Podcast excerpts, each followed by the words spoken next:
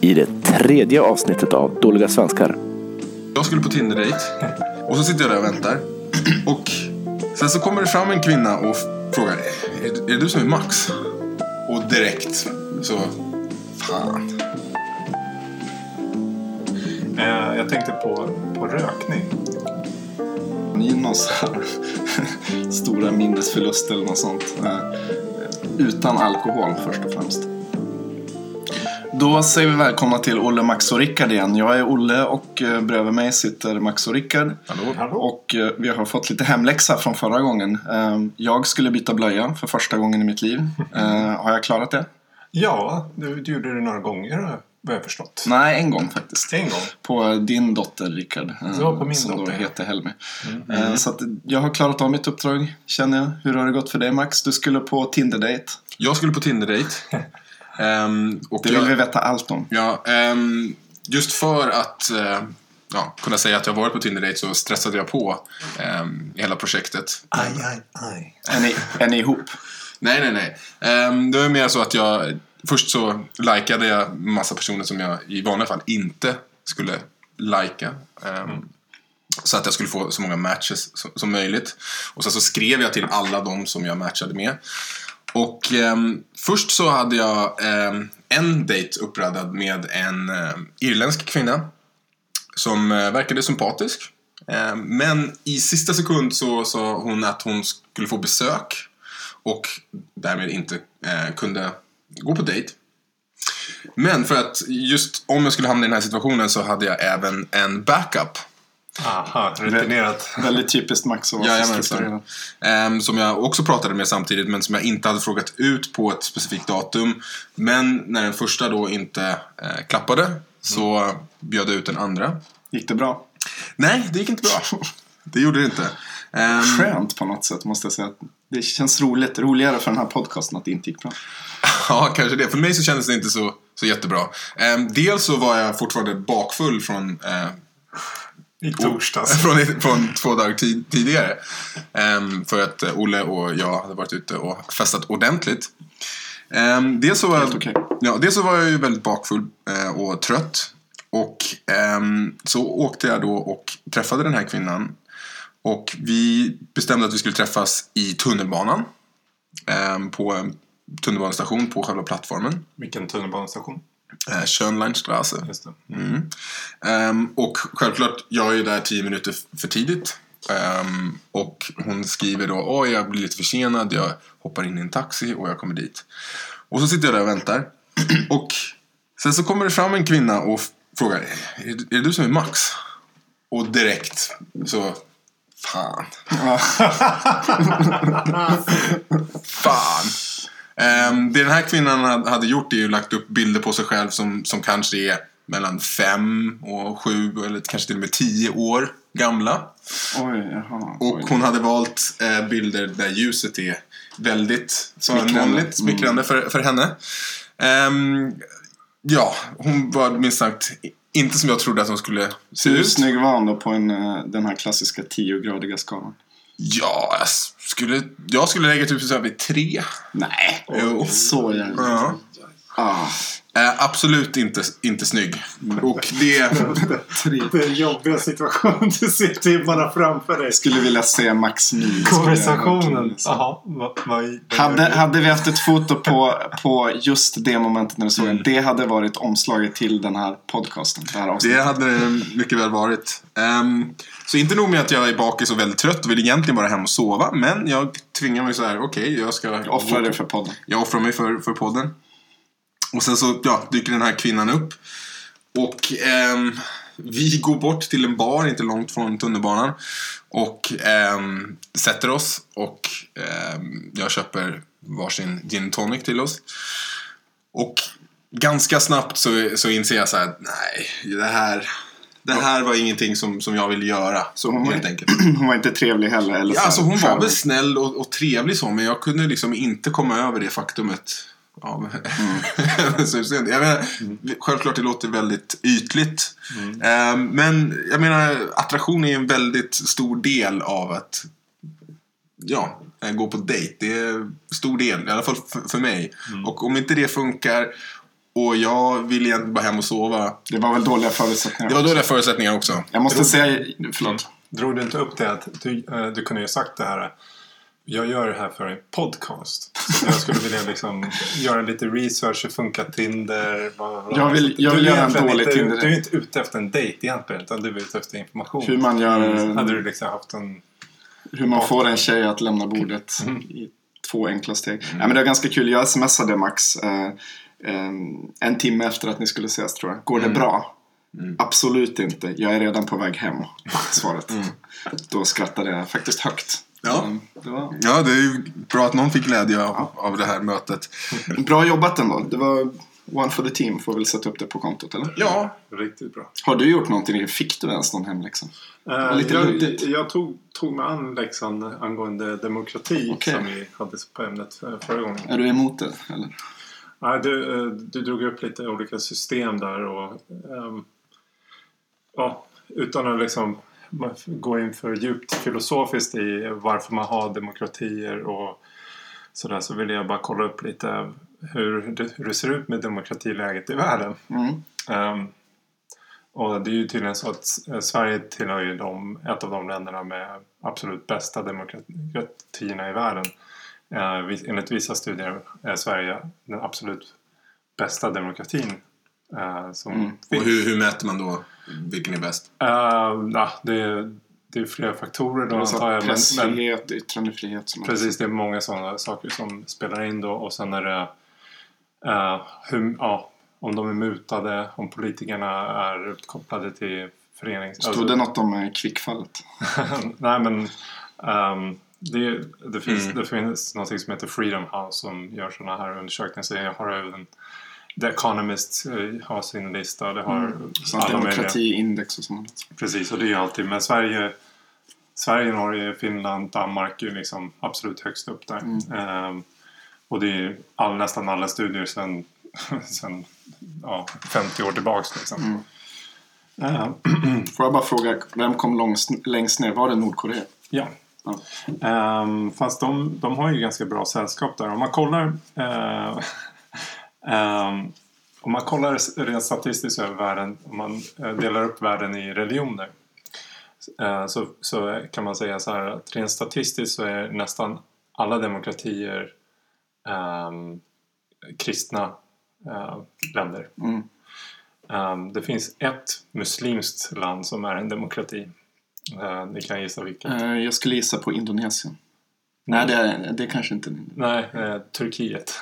Ja, det är klart. Ja, som inte ens är ehm, en fri demokrati. På det. Mm. Alltså, vi, de har ju, Erdogan har väl sina... han har ju ganska stor kontroll på sin. Men Det det, de har ändå val och det, det Mm. har ju varit på vippen där några gånger. Men APK är ganska starka där.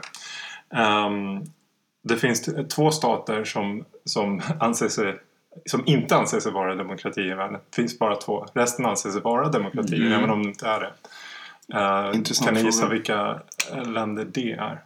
Det är en intressant fråga. Ehm. Jag skulle tippa på att det är någon sån här med någon sultan eller någon sån här eh, asiatiskt... Eh, jag kommer inte på. Det är... ehm, vi är, vi är fortfarande, om man delar upp det i, i religiösa länder så är vi i den muslimska världen. Okej, Kan Iran skulle jag tippa på. Ja, Nej, det, är- de har ju val. de har val. Mm. Nej, jag vet inte. Jag är Det är Saudiarabien och eh, Bangladesh. Bangladesh och Saudiarabien. Alltså de, de anser sig inte vara demokratier. så Mm. de, okej. de Ja, det, det är klart, det är ju, i religionen så ska det inte vara demokrati utan det är Gud som har skapat lagen. Så. Ja, precis. Och så om man kollar enligt, enligt det här indexet vilka länder som har mest demokrati i jämförelse med vilka som har minst demokrati så är det ju de länderna som är sekulära, det vill säga har kyrkan på något sätt avkopplat från makten, Mm. är de mest demokratiska länderna. Mm. Och de som har mer religiös makt är mindre demokratiska. Mm. Och eh, det lustiga är att de som är absolut eh, teokratiska stater som eh, Saudiarabien, Iran och de här. ehm, de är i sällskap med, med två länder, eller liksom vissa länder i världen som, som inte är religiösa. Som är egentligen väldigt sekulära istället. Mm. Men de är istället eh, nästan, ja, de är, det är kommuniststaterna då. Mm. Eh, så de är ju nästan som, eh, re, ja, det är som religioner Mm. i sig liksom. Mm. Jag har en intressant eller så här, rolig fakta eller vad man ska säga om demokratier. Man brukar säga att det bara finns ett exempel i världshistorien på två demokratier som har krigat mot varandra. Mm. Vilket då är en väldigt sån stabil, ett stabilt argument för att demokrati leder till fred. Mm. Kan ni gissa eller vet ni vilket exempel det här är? Jag kan tänka mig, alltså Frankrike är en av de första, eller är den första demokrat, demokratiska staten. Eh, och, Men vilket demokratiskt land har de krigat mot? eh, bra fråga. För att när jag först hade det här tänkte jag också, okej det kan inte vara så svårt. Sen började jag tänka så här, vänta nu här. Vilket demokratiskt land har krigat mot ett annat demokratiskt land? Men är, det- är, det, är det någon sån här att det är någon jättekonstiga kombination och att det faktiskt all, de aktivt krigar inte mot varandra? Ja, de bara skrev på jag kan- papper. Alltså, Alltså, jag, alltså jag kan ju tänka mig så här. Eh, var det mot Finland? na, nas, nazisterna, nazisterna, de, de var ju faktiskt folkvalda. Så att, och de började, Fast inte, kom igen nu, inte, när, inte under kriget. de, blev de ju- blev ju folkvalda. Blev de. De var ju folkvalda. De, han, Hitler avskaffade ju valen. Han var ju liksom allmänt. Nej men eh, Ja. bra där Max. Finland faktiskt. Och jag kan inte historien så bra Mm. om det verkligen var bomber från allierade. Men de allierade var indirekt på något sätt i krig mot Finland eftersom Mm. Finland krigade mot Sovjetunionen. Så att, Ja, just det. Mm. plus i kanten till det Max. Okej, men eh, eh, Max du, var, du är lite inne på ditt eh, uppdrag när vi ska ta upp våra ämnen också, eller? Fick jag någon hint om? Eller har du- Nej, Har du bytt? Ehm, jag, jag har bytt, bytt lite håll helt och hållet skulle man kunna säga. Jag, eh, någonting som jag tycker är ganska intressant eh, är zombieapokalypsen. ah, Det tycker jag är väldigt intressant. Och jag blev påmind om det här för att um, häromdagen så eh, började tv-serien The Walking Dead igen. mm. Så jag tittade på den och då... Vilken säsong är de inne på nu? Ja, är det? Säsong sju eller sex? Nej, jag kommer inte ens ihåg. Men eh, i alla fall långt inne i... Eh, och menar, om man tittar på i populärkultur så finns det ju väldigt mycket med zombies just. Ehm, och ehm, det finns tv-serier, det finns väldigt många filmer som är riktade åt, åt, det, åt det här hållet. Och, så det måste ju finnas någon dragning till eh, just det här absoluta förfallet av civilisation. Att alla so- sociala och alla regler som vi har byggt upp, lagar, länder, nationer, allt sånt raseras av någonting, eh, ja, något utom, utomstående då. Oftast eh, då ett, ett virus som, som dödar väldigt många människor. Så att man på något sätt börjar om från noll igen. Mm. Och ehm, det är ju det som är det intressanta, i alla fall för mig när jag tittar på en zombieserie eller en zombiefilm, är just vad skulle jag göra i den situationen?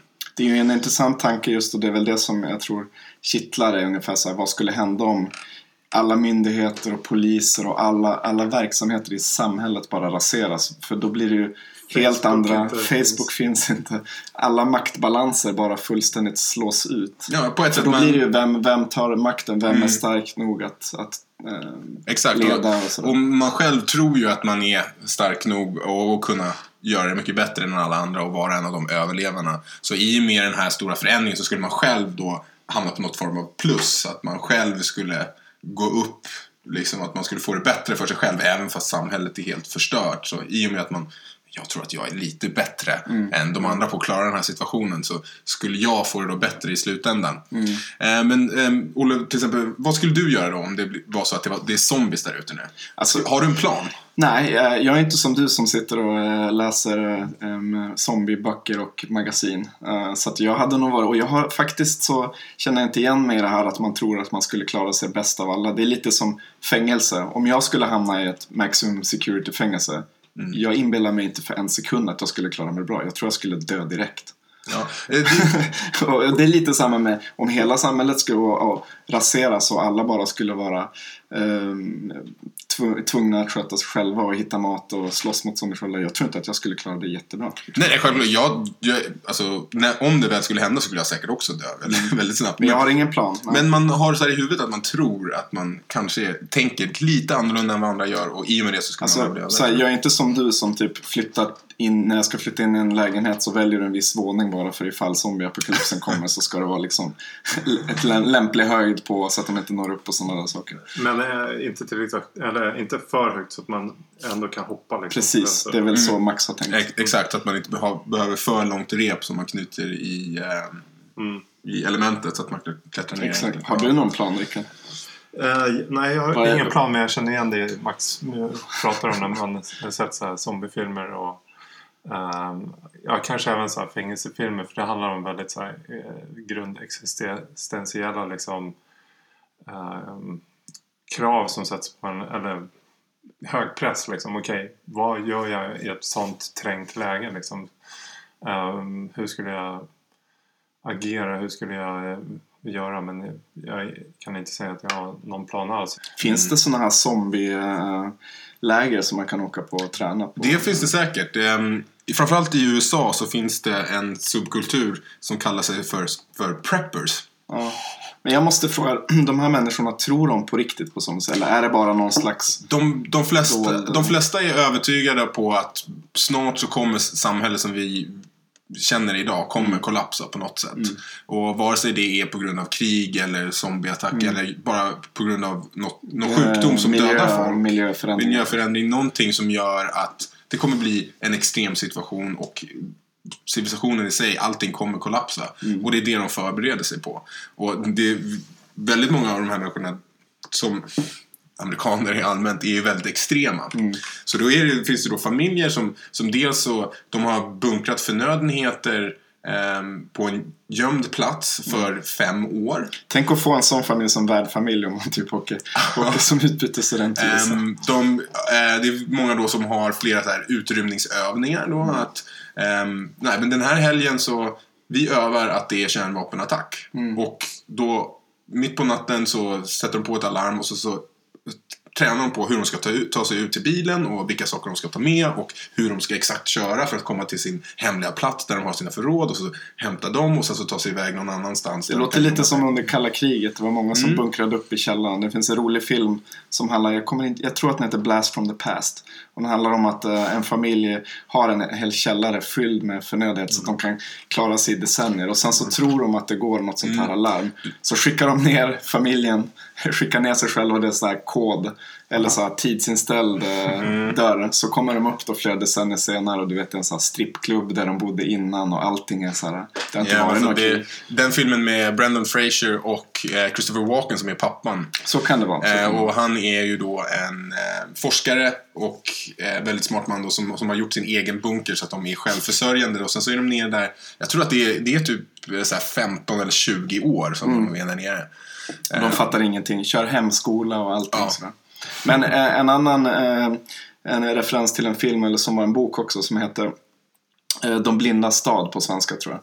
Och det handlar om, eh, känner ni till den här? Nej, jag vet inte. Det handlar om eh, att eh, det går någon sån här eh, epidemi, alla människor blir blinda. Eh, steg, steg för steg. Jag har sett för filmen. Alltså. Ja, och då, eh, då kollapsar ju också hela samhället och så blir eh, eh, de som blir kungar i det här, det är de som var blinda innan också för de har redan eh, Mm. De har etablerat ett ett liv och de kan klara sig jättebra. och Mm. Och det är så här, också intressant, vem med maktbalansen, vilka blir de starka och svaga i samhället och sådär. Mm. Och allting förstörs ju fullständigt. Men hoppas du lite någonstans att det här ska hända? Ja, ja, det gör man ju faktiskt uh, i, i bakhuvudet. Och det är ju därför du har sådana här människor som preppers och så vidare. För att man har den här lilla hoppningen på att så här, ja, men, då kommer det hända, det kommer bli något nytt och allt, allt det här dåliga. Ut ur den trista grå Ja, det är som så här, och sen så om man tänker stort också så det finns väl för mycket människor på den här planeten. Så om man tänker så här, som Moder Jord, så lite hippiemässigt så är ju vi som ett det bästa virus på den här planeten. Och om, om Det kanske kommer vara- oss så skulle ge, ge lite andrum för planeten när det kommer till miljöutge... Det kommer, utsläpp. Greenpeace jobbar just nu på att eh, plantera sånt här Fast, virus. ja, precis. Men det, är, ja, det, är väl, det finns väl filmer som redan Ja, det finns det tagit säkert. 12 vapen och så är det med. Och, Ja, så. just Jag, ty, jag tror det, det känns som att det connectar lite med mitt ämne Ja, här. kör Ja, igång. bra. Så att jag, jag tror att jag tar över här. Ta över. Ehm, för att det handlar om destruktivitet på, Okej. på ett sätt. Nej, men det handlar om... eh, jag tänkte på, på rökning. Eh, men det, det landar lite i flera områden också. Eh, jag kollade lite så här...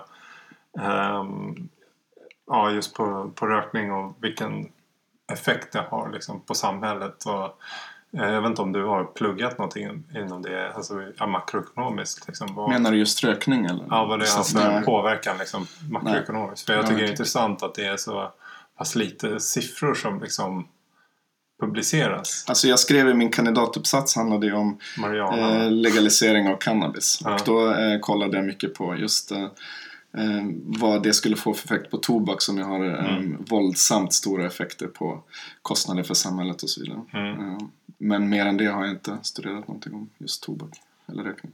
Nej, för det är ju intressant liksom. Om man kollar i Tyskland så är eh, ja, tobak är ju, är, ju, är ju legalt. Men man måste vara 18 och vad det nu är. Är det 18 eller 16? Kanske 16 för att köpa tobak och, och sådär. Och, ja, det är, ju- det är inget, ingenting man dör av i första, första cigaretten. Liksom. Kanske inte ens vid tusende cigaretten. Ja. Ehm, men det är ändå någonting som man långsamt dör av. Så att. Mm. Och liksom i Tyskland så, så dör eh, per år eh, 800, 890 000 människor. Alltså totalt. Mm. Varav 110 000 är eh, rökare. Eller är dör på grund av rökning. Så Okej, så det är så- 800 så- 000 som dör totalt? Totalt. Ja. Och eh, en åttondel, alltså en, en av åtta personer som dör, dör på grund av rökning. Mm. Eh, och det är 300 personer om dagen som dör Mm. bara för att de röker. Mm. Ehm, och, ehm, jag fick, det kom upp ett så gammalt argument som jag för mig du myntade. Så här, det var när vi har pratat om just rökning och tobak. Så, Alltså som Max myntade. Ja, som Max myntade. Eh, och det handlar om att ehm, rökare, alltså man betalar väldigt mycket skatt i och med cigaretterna. Ehm, och jag tänkte på det, liksom, som, jag, som jag sa, det är väldigt lite liksom, ekonomiska... eh, alltså självklart så pratar man om att eh, det kostar massa cigarettpaket och eh, för en rökare så kostar det väldigt mycket pengar att, att röka. Liksom. Men det, det är inga liksom, makroekonomiska begrepp som att liksom, ah, för att den här personen röker så, så kan vi inte bygga det här. Och för, att, för att det är så många som röker i vårt land så, Mm. så kan vi inte bygga de här vägarna eller de här skolorna eller whatever för att vi måste sätta pengarna där och där. Ehm, och jag, så jag gjorde bara en väldigt enkel överslagsräkning. Spännande. Ehm, och staten drar in 14 miljarder euro om året på skatten, bara tobaksskatten. Ja. Ehm, det betyder 705 740 euro per år per, alltså per rökare. Ja. Så att de betalar 740 euro extra om året i skatt kan man säga. Mm.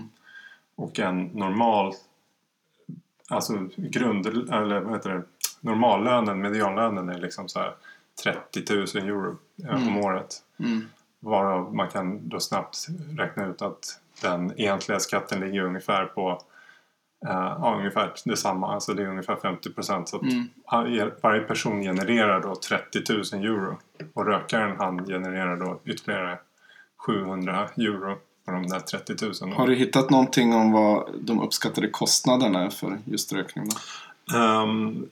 Jag gjorde en, en, en överslagsräkning på det då. För att en, en rökare dör genomsnittligt 15 år tidigare. Mm. Och genomsnittsåldern, om vi rundar upp till, så är det 75 år. Eh, och en eh, genomsnittsrökare dör då när han är 60. Men det är ju bra ekonomiskt om man ska vara krass. Alltså, för att då tar de inte pensionspengar och så. De, de tar inte pensionspengar. Men om man då räknar på de här fem åren som, som de inte... ehm, eller om vi säger att de har rökt i 50 år. Mm. Så har de betalat in 37 000 euro i skatt i, på 50 år.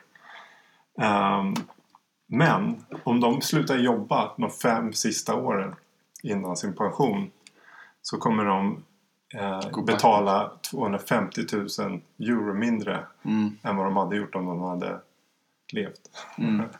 bara, bara de fem åren. Sen, de, eh, om de, sen kan man ju räkna liksom på hur många sjukdagar de är borta. Alltså Mm. när man röker som är sjuk och så får man ju andra sjukdomar. Och, Ja, det, det är just uh, sjukvården jag tänker som är den stora egentligen boven. Mm. Så att det, är- det är intressant. Eh, Jag har inte sett någon, anal- eh, någon större, liksom, eller jag har inte ens hunnit liksom greppa tag i det. Men det skulle vara intressant att liksom följa den här eh, byggarbetaren som har rökt hela sitt liv. Och så kollar man på liksom alla sjukdomar som kommer. Liksom. Det behöver inte vara att det är på grund av rökning. Nej. Men ehm, hypotetiskt så, så har man ju den Men det, det är det som gör det så väldigt svårt eh, och fascinerande tycker jag att kolla på sådana här grejer. Um, alltså en sån här analys är oerhört komplex därför att det är så mycket eh, och det märkte jag när jag skrev min kandidatuppsats om cannabis för att varje sak du gör i livet påverkar ju andra saker och man vet inte hur. Till exempel hur påverkar rökning alkoholkonsumtion? Det kanske är så att du dricker mer alkohol om du röker eller så kanske du gör mindre. Och även om den här, om det skulle göra väldigt liten skillnad så gör det i aggregatet väldigt stor ekonomisk skillnad. Precis, man multiplicerar det på alla år och alla Precis. dagar. Och, Precis, och det, man- och det är olyckor i trafiken och det är massa skit som händer med alkohol. Så att, att, att få någon slags facit på vad egent, den egentliga kostnaden eller ekonomiska vinsten är för rökning. Det kan ju vara så att skatten genererar mer pengar än vad det egentligen kostar i slutändan. Mm. Förmodligen inte, men det kan vara så. Sen är det såklart att rökning, det, är- det är ju människor vi pratar om så att det finns ju många andra kostnader än bara ekonomiska. Men om man bara tittar på de ekonomiska, bara det är väldigt svårt. Ehm, Men ja, det gör det spännande också. jag, jag, jag, jag tänker ändå så här, det här relaterar ändå också till ditt tema för två gånger sedan när vi pratade om tjockisar och mat. Mm, mm. För eh, det det börjar handla om det är liksom, har rökningen någonting att göra med då liksom med fri vilja? Mm. Eh, är det, vill folk röka egentligen? Liksom? Vi har väl en perfekt kandidat här i Max. Som, Ja, ehm, i början, när jag började röka så ville jag ju röka. Mm. Jag vill ju röka. Och det här var i högstadiet gissar Det var i högstadiet, det var det. I åttan tror jag det var.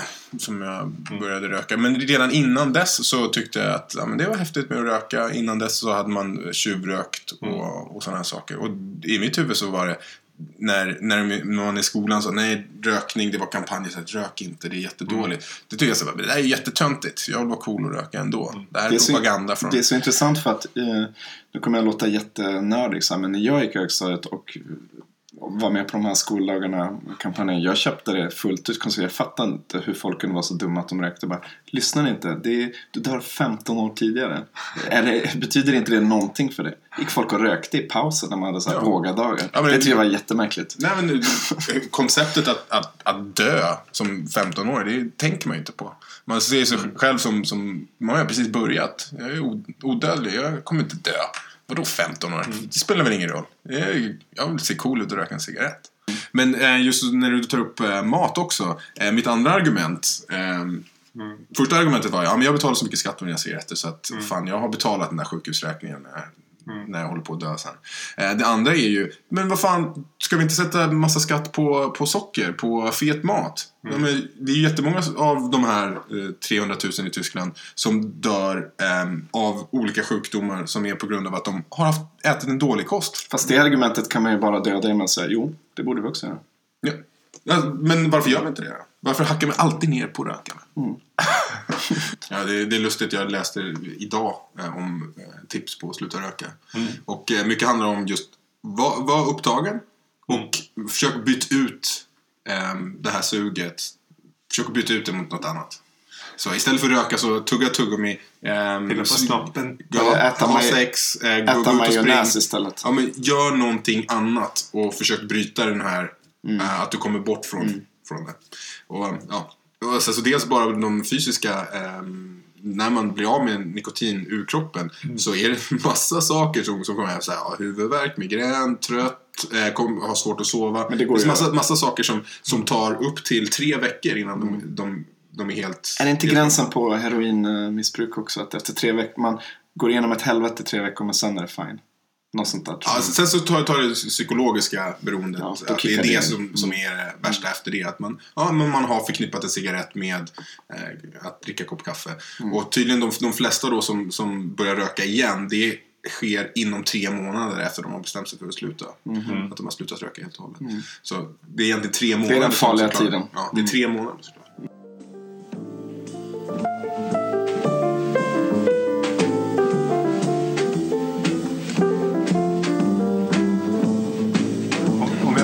Avsluta bara med en fråga. Varsågod. Är alla beroenden dåliga? Nej, inte om du kan, eh, om du har ett beroende som inte förstör din kropp och du kan få det här som du är beroende av. Så är det väl inte Om det inte skadar dig och inte skadar någon annan. Ja, jag tänker om man är beroende av att träna en gång per dag. Mm. Så att det inte är sjukligt, typ. Då, eh, Ja, så länge det inte skadar dig eller skadar någon annan. Mm. Så då kan det ju vara ett positivt beroende. Eller har du någon annan infallsvinkel? Eh, vi, vi kan kanske ta det i någon annan podcast. Men jag, jag tror man kan dela upp det i olika läger. Mm. Eh, men vi kan ta det då. Ska vi ta någonting till nästa vecka som vi är beroende av? Och då ska det helst vara någonting lite mer crazy än att röka. Kom på någonting finurligt till nästa vecka. Som vi är beroende av. Ja, Ja, får du säga Helmi eller någonting. ja nej men det ska vi se. Jag eh, tänker i alla fall om jag börjar med mitt ämne så Eh, kommer det sig från att jag skulle hjälpa en kompis att eh, flytta eh, i helgen. Och eh, då hade hon, eh, då hade hon be, eh, beställt någon sån här flytthjälp så att det var en kille som kom med en lastbil och hjälpte att eh, bära ut grejerna och sådär. Och sen så satte vi oss i lastbilen och eh, körde iväg grejerna och eh, sen så skulle han hjälpa till att lyfta ut dem och så här. Och sen så på vägen när vi hade satt oss i lastbilen, jag och min kompis och den här snubben då som hjälpte oss. Så sa han att ah, jag är egentligen inte, jag jobbar inte med det här att flytta egentligen. Så tänkte jag så här, jaha, okej, vad menar han med det? Och så sa han, jag är egentligen ingenjör. Så tänkte jag, jaha, ska han börja typ skryta nu eller någonting? Och så sa han, eh, det är så att jag för något år sedan så fick jag en sjukdom som jag nu inte kommer på vad den heter. Eh, Alltså jag kommer inte ihåg vad den heter. Men jag fick en sjukdom sa han. Ehm, och det är så att jag eh, fick minnesförlust. Jag kommer inte ihåg någonting som har hänt sedan 1986.